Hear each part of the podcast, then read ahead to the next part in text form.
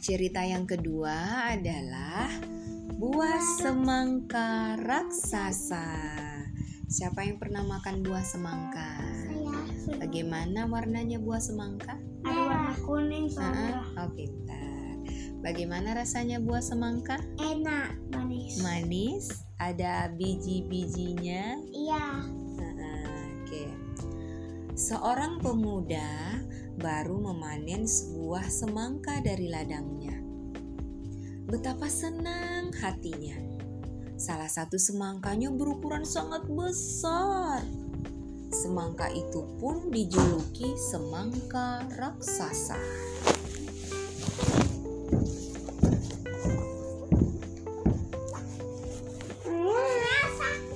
Yang ganggu biar. Si pemuda hendak menjual semangka raksasanya. Beberapa orang mulai berdatangan. Mereka mencoba menaba- menawar buah semangka raksasa. Bagaimana kalau aku beli buah semangkamu itu dengan dua keping emas? Tanya seorang pedagang. Tidak, saya akan menjual semangka raksasa ini jika Anda mau membayar lebih mahal lagi, tolak si pemuda. Si pedagang urung membeli semangka raksasa itu. Dia tidak memiliki uang lebih dari dua keping emas. Apa itu urung? Tidak jadi. Si pemuda memilih menunggu pembeli lain yang mungkin akan membayar semangkanya dengan harga tinggi. Tidak lama, seseorang datang lagi.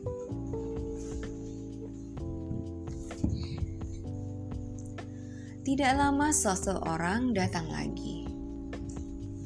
Aku ingin membeli semangka raksasa raksasamu. Biarlah aku membayarnya dengan tiga keping emas. Ujar seorang juragan.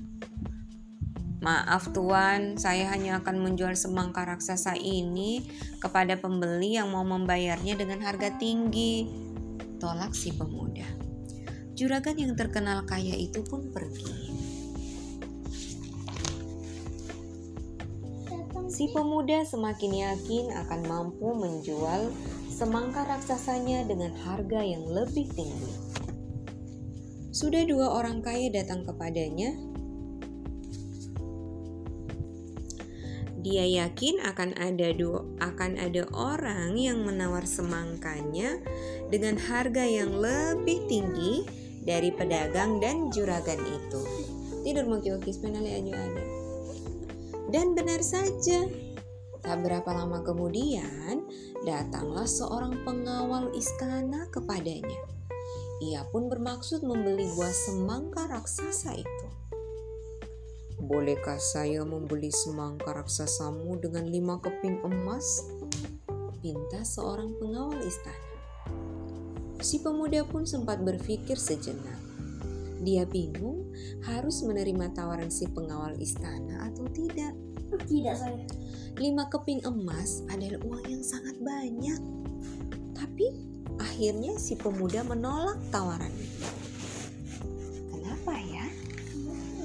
Mungkin karena dia rakus. Dia pikir akan ada orang lain yang mau membeli buah semangka raksasanya dengan harga yang lebih tinggi lagi.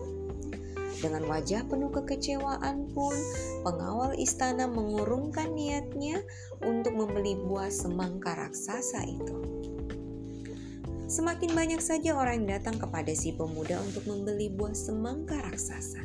Tapi tetap saja ditolak. Tampaknya si pemuda belum juga puas dengan uang yang ditawarkan calon pembeli buah semangka raksasa. Bahkan ketika raja datang kepadanya dan menawar semangka raksasanya dengan 20 keping emas, si pemuda tetap menolak. Lalu tak terasa sudah hampir sebulan hingga akhirnya si pemuda menyadari ada sesuatu yang aneh. Kulit semangkanya terlihat layu dan keriput. Dia langsung panik.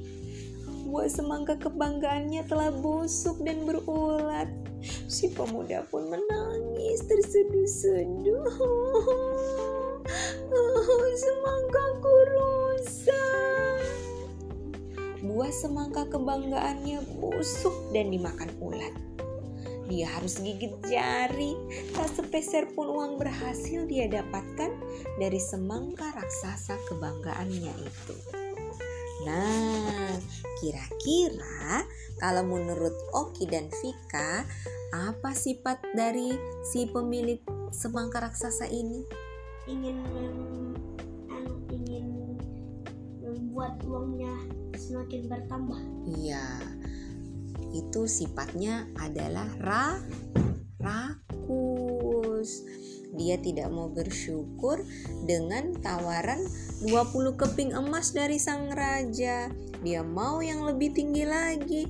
Akhirnya tidak jadi mendapatkan sepeser pun dari uang emas.